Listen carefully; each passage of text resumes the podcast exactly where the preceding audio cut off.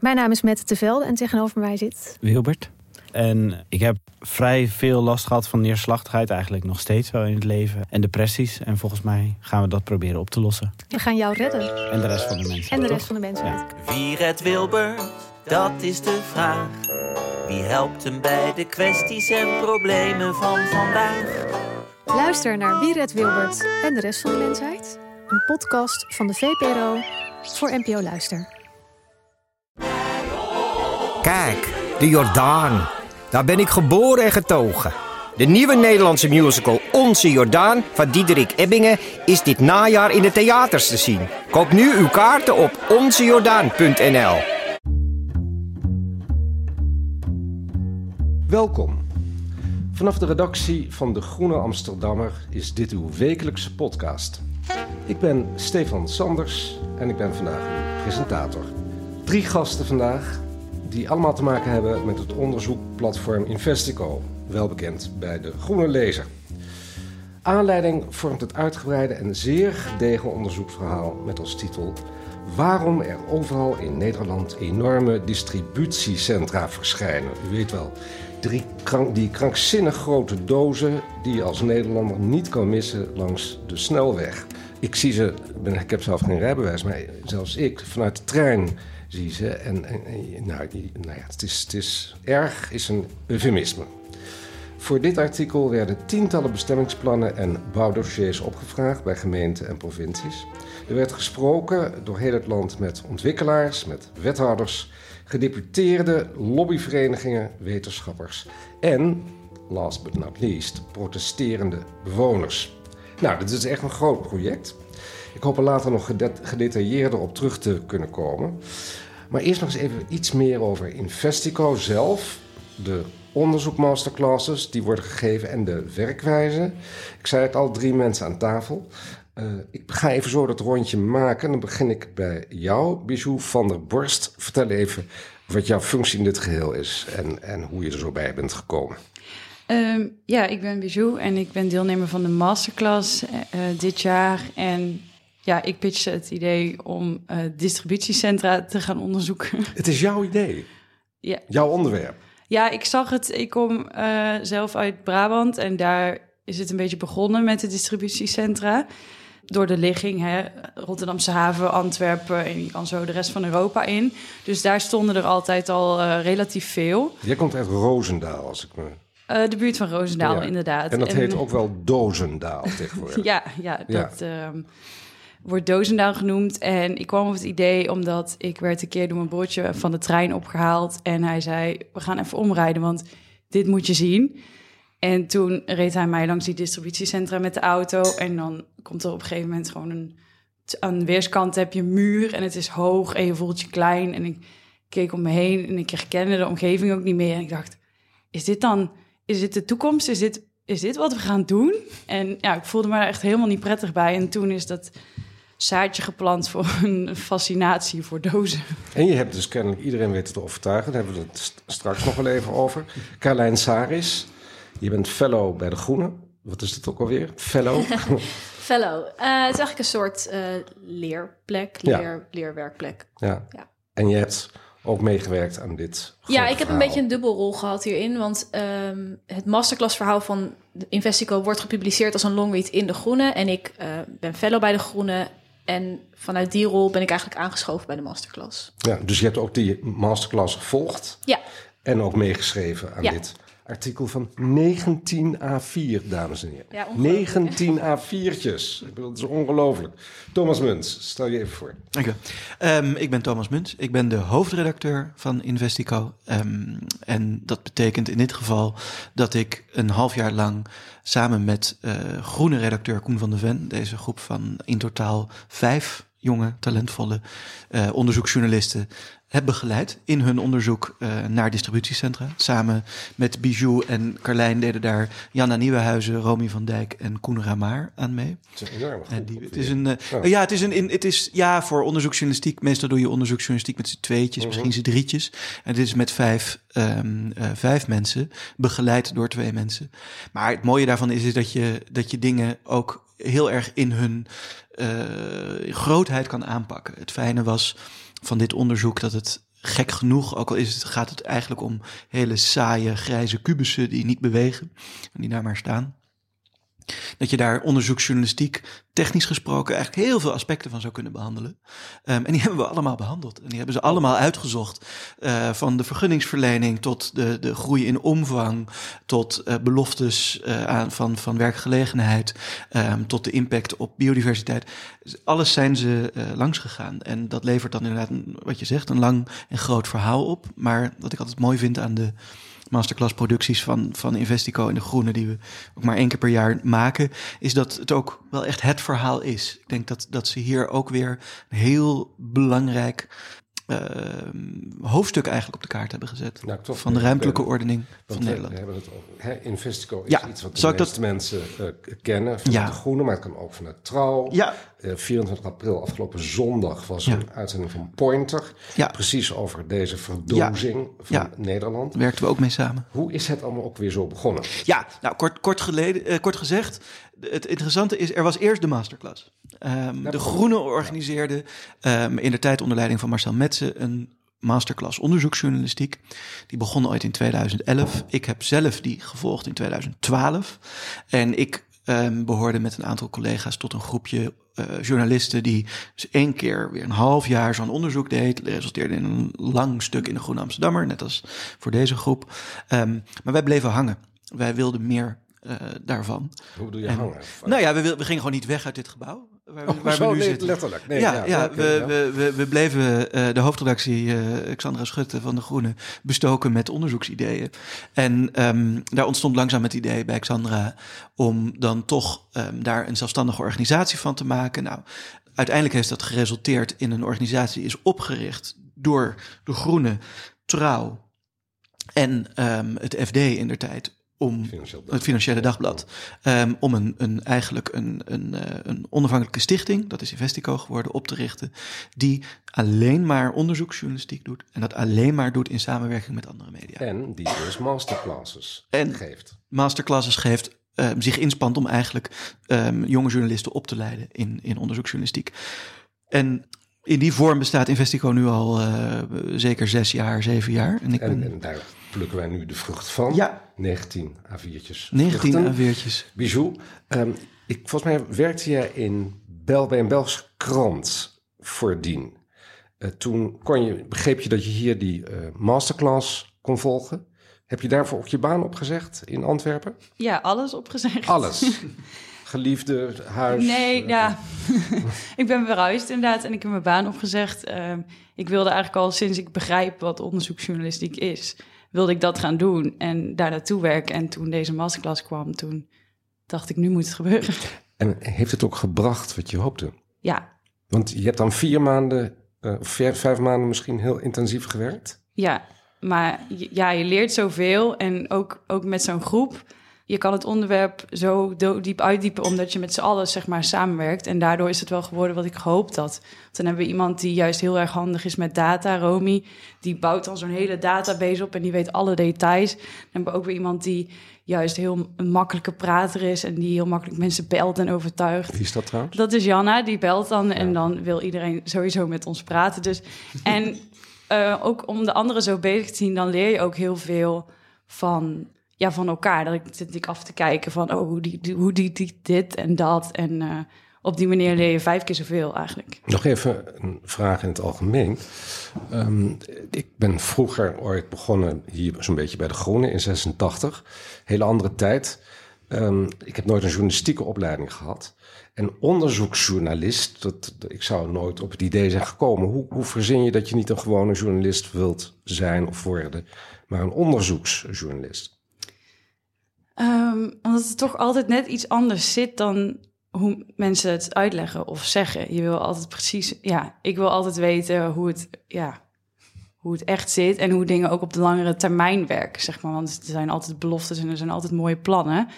Eh, maar dan vraag ik me af, wat, je wil echt soms weten wat echt de impact is. Als je snel het nieuws volgt, dan weet je een beetje wat er gebeurt. Maar je weet nooit wat de impact is op mensen. En dat, dat kun je eigenlijk alleen met onderzoeksjournalistiek boven tafel krijgen. Nou, zeker bij zo'n enorm probleem, of in ieder geval gegeven, als dit, Carlijn. Eh het is ongelooflijk, hè, we vertelden het al, dat je waar je ook komt in Nederland, zie je dat het landschap zo dramatisch verandert en mensen hun eigen buurt, hun eigen uh, provincie, hun eigen streek niet meer herkennen.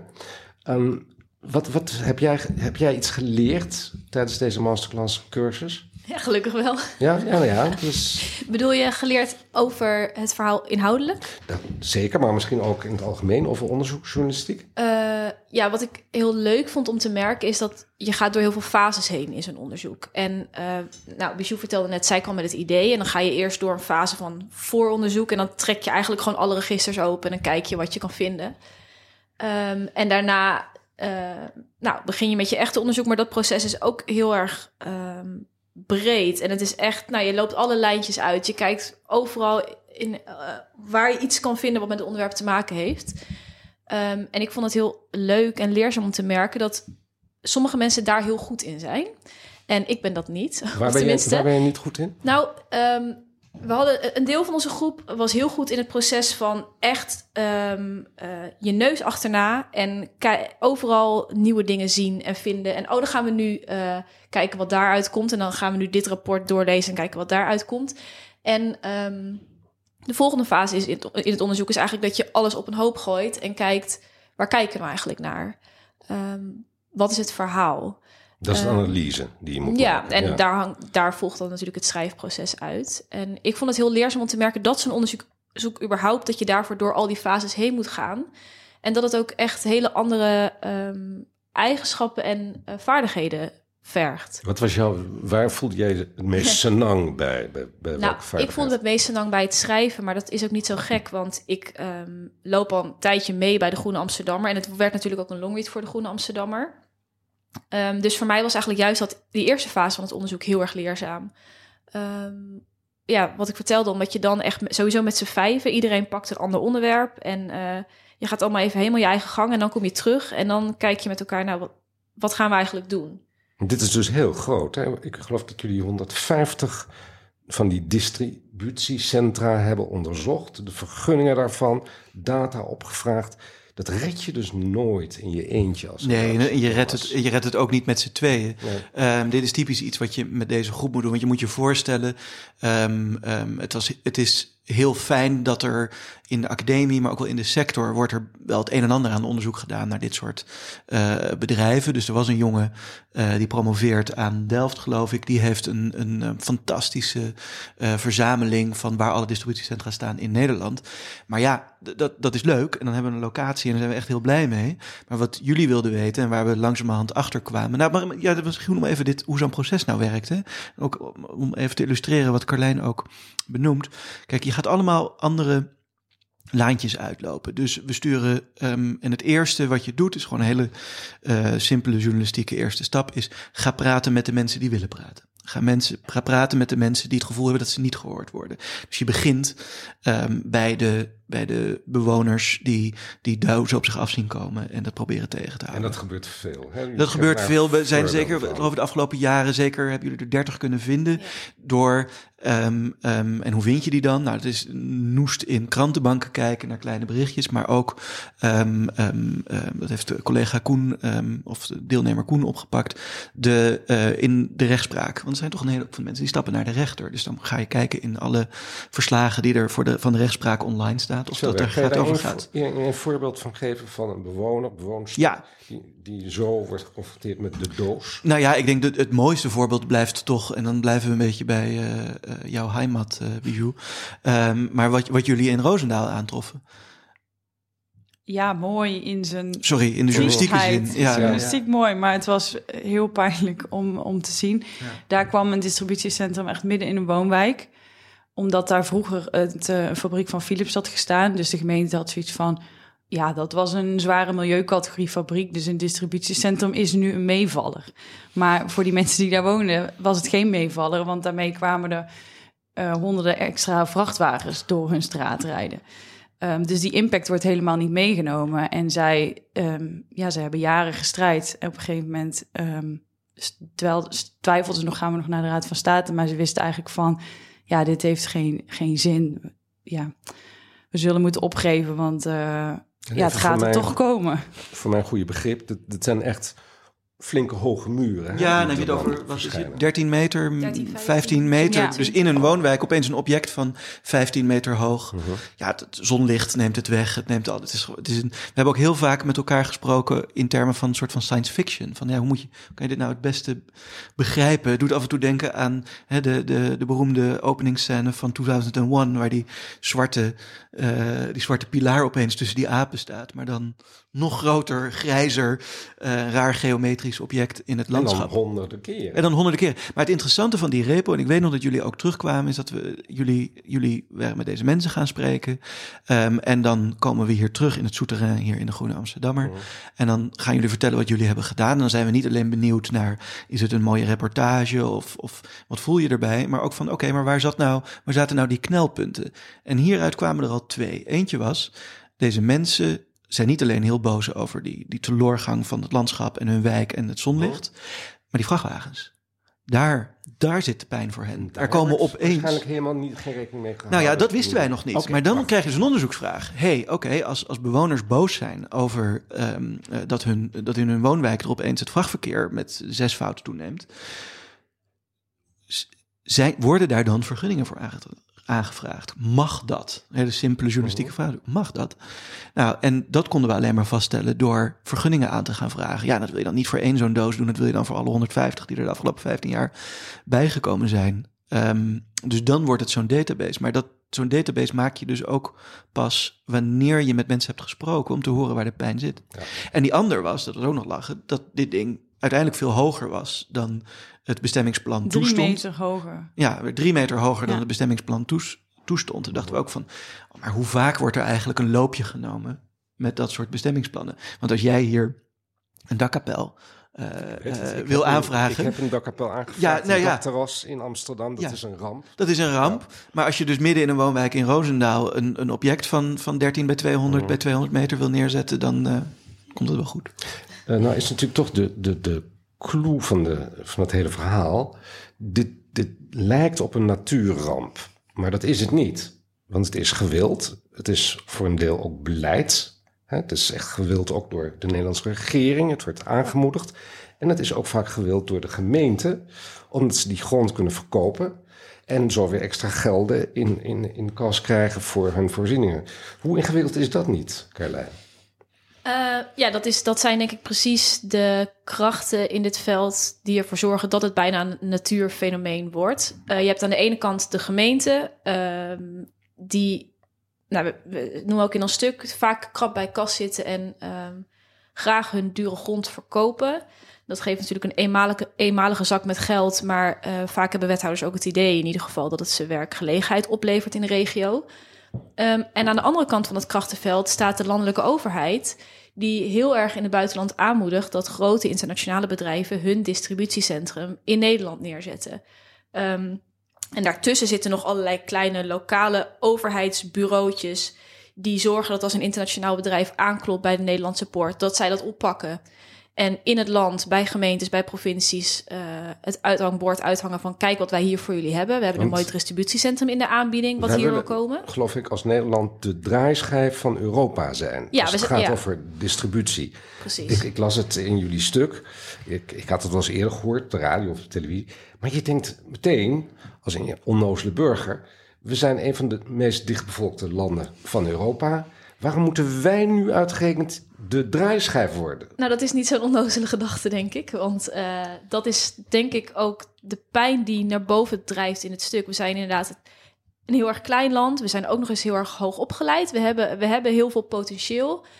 En ehm, we kiezen, we kiezen ervoor om dat vol te zetten met grijze dozen... waar eigenlijk nauwelijks mensen eh, werken. En de mensen die er werken, werken op flexcontracten... en zijn vaak ook nog Want die arbeidsmigranten. banen, dat klopt dus echt nauwelijks. Hè? Dat argument van het levert allemaal wel banen Ja, op. het is echt een heel sterk dogma. En het is ook als je, bedoel, zo- zo'n aankondiging van zo'n distributiecentrum komt vaak in een lokale krant.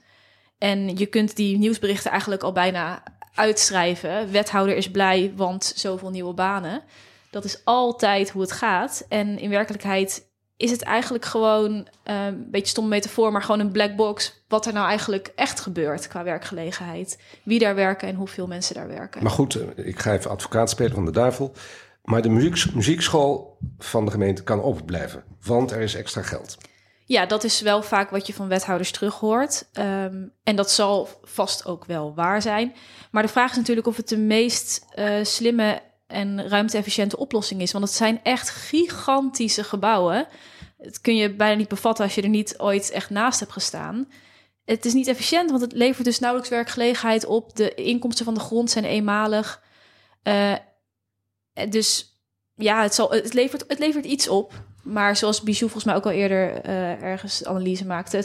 De vraag is of het opweegt tegen de ellende die het uh, nou ja, en, en, valt het nog te stoppen? Want ik geloof, vroeger, dan heb ik het over 30 jaar geleden bijvoorbeeld, was vaak de overheid de arbiter, de scheidsrechter, die zei: dit gaat wel of gaat niet door, dit kan de gemeente wel doen of niet doen. Dat is steeds minder geworden, die scheidsrechtersrol. Sterker nog, in de jaren 90 en ook later nog in, na 2000, is de Nederlandse overheid juist gaan propageren wij Nederland zijn een distributieland. We hebben eh, onze haven in Rotterdam vergroot, de Betuwe-lijn enzovoort enzovoort. Dus dat is juist onze, dat is onze hardcore business. Hè. Dus we, we wilden het ook. Moet de regering, moet de overheid hier strenger optreden? Is dat, is dat de, enige oplossing, Bijou?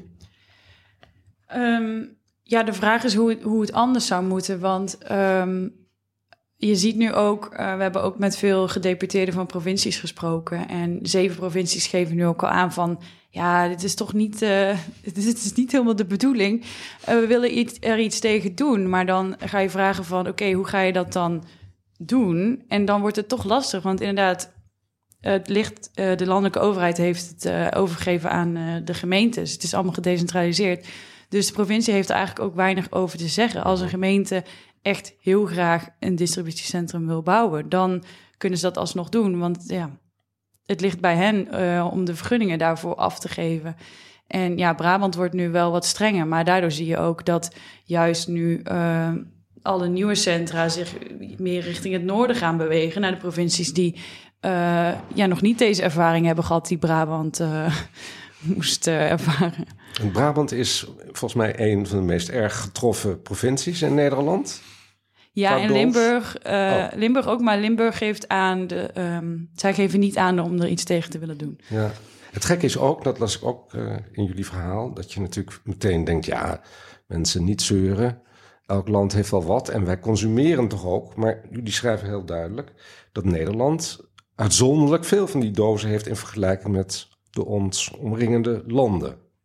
Ja, dat is notabene waar de Rijksoverheid zelf ook mee adverteert in het buitenland. En we zijn uh, inmiddels, Nederland is een, gewoon een warm bad geworden voor buitenlandse bedrijven die hun distributiecentra hier willen neerzetten. Want we gooien onze grond in de uitverkoop, we adverteren heel erg wild. We hebben uh, uh, handige belastingconstructies die het allemaal hartstikke efficiënt en makkelijk voor die bedrijven maken om hier te gaan zitten en niet in België of in Duitsland.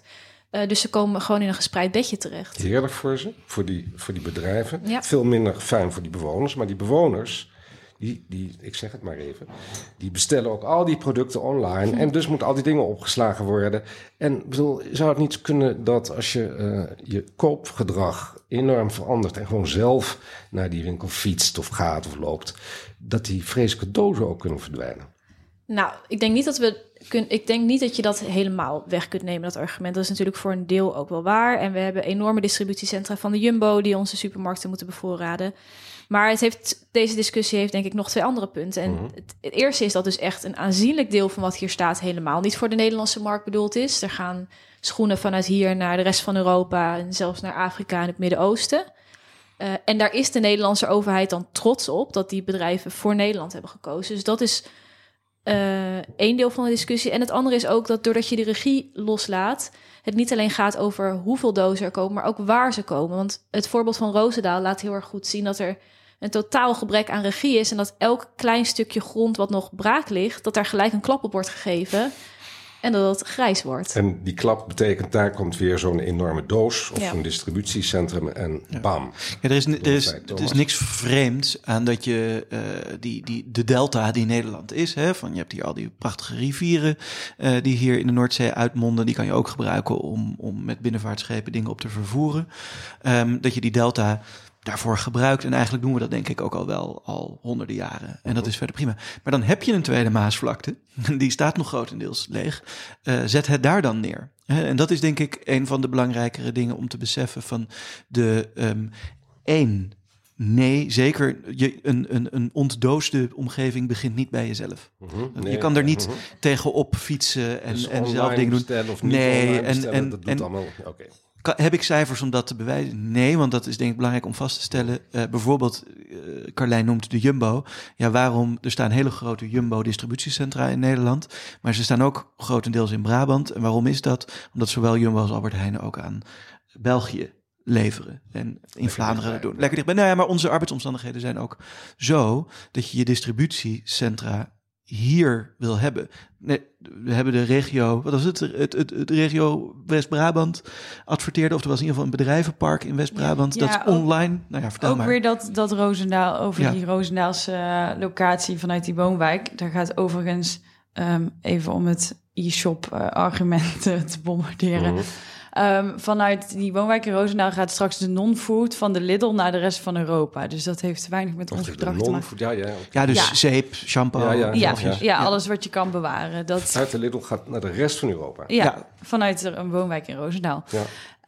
Ehm, hoe kwam ik hier? Oh, met de arbeid, eh, over de arbeidsvoorwaarden. Op die site, dan wordt, er zijn ook altijd sites voor de, om de distributiecentra aan te kondigen, zodat er ehm, huurders in kunnen komen. En op die site stond van, ehm, kijk, hier is een grafiek met, de met de lonen van Europa. Hier in eh, Nederland is het eh, heel erg laag. En dan stond er nog een grafiek naast om aan te tonen dat van Nederland dan Brabant ook nog de goedkoopste provincie was voor je arbeiders. Ja, en het Rijk dat trots verkondigde, geloof ik, dat de lidmaatschap van vakbonden in Nederland eh, uitermate laag is, medi- medium en, en afnemend.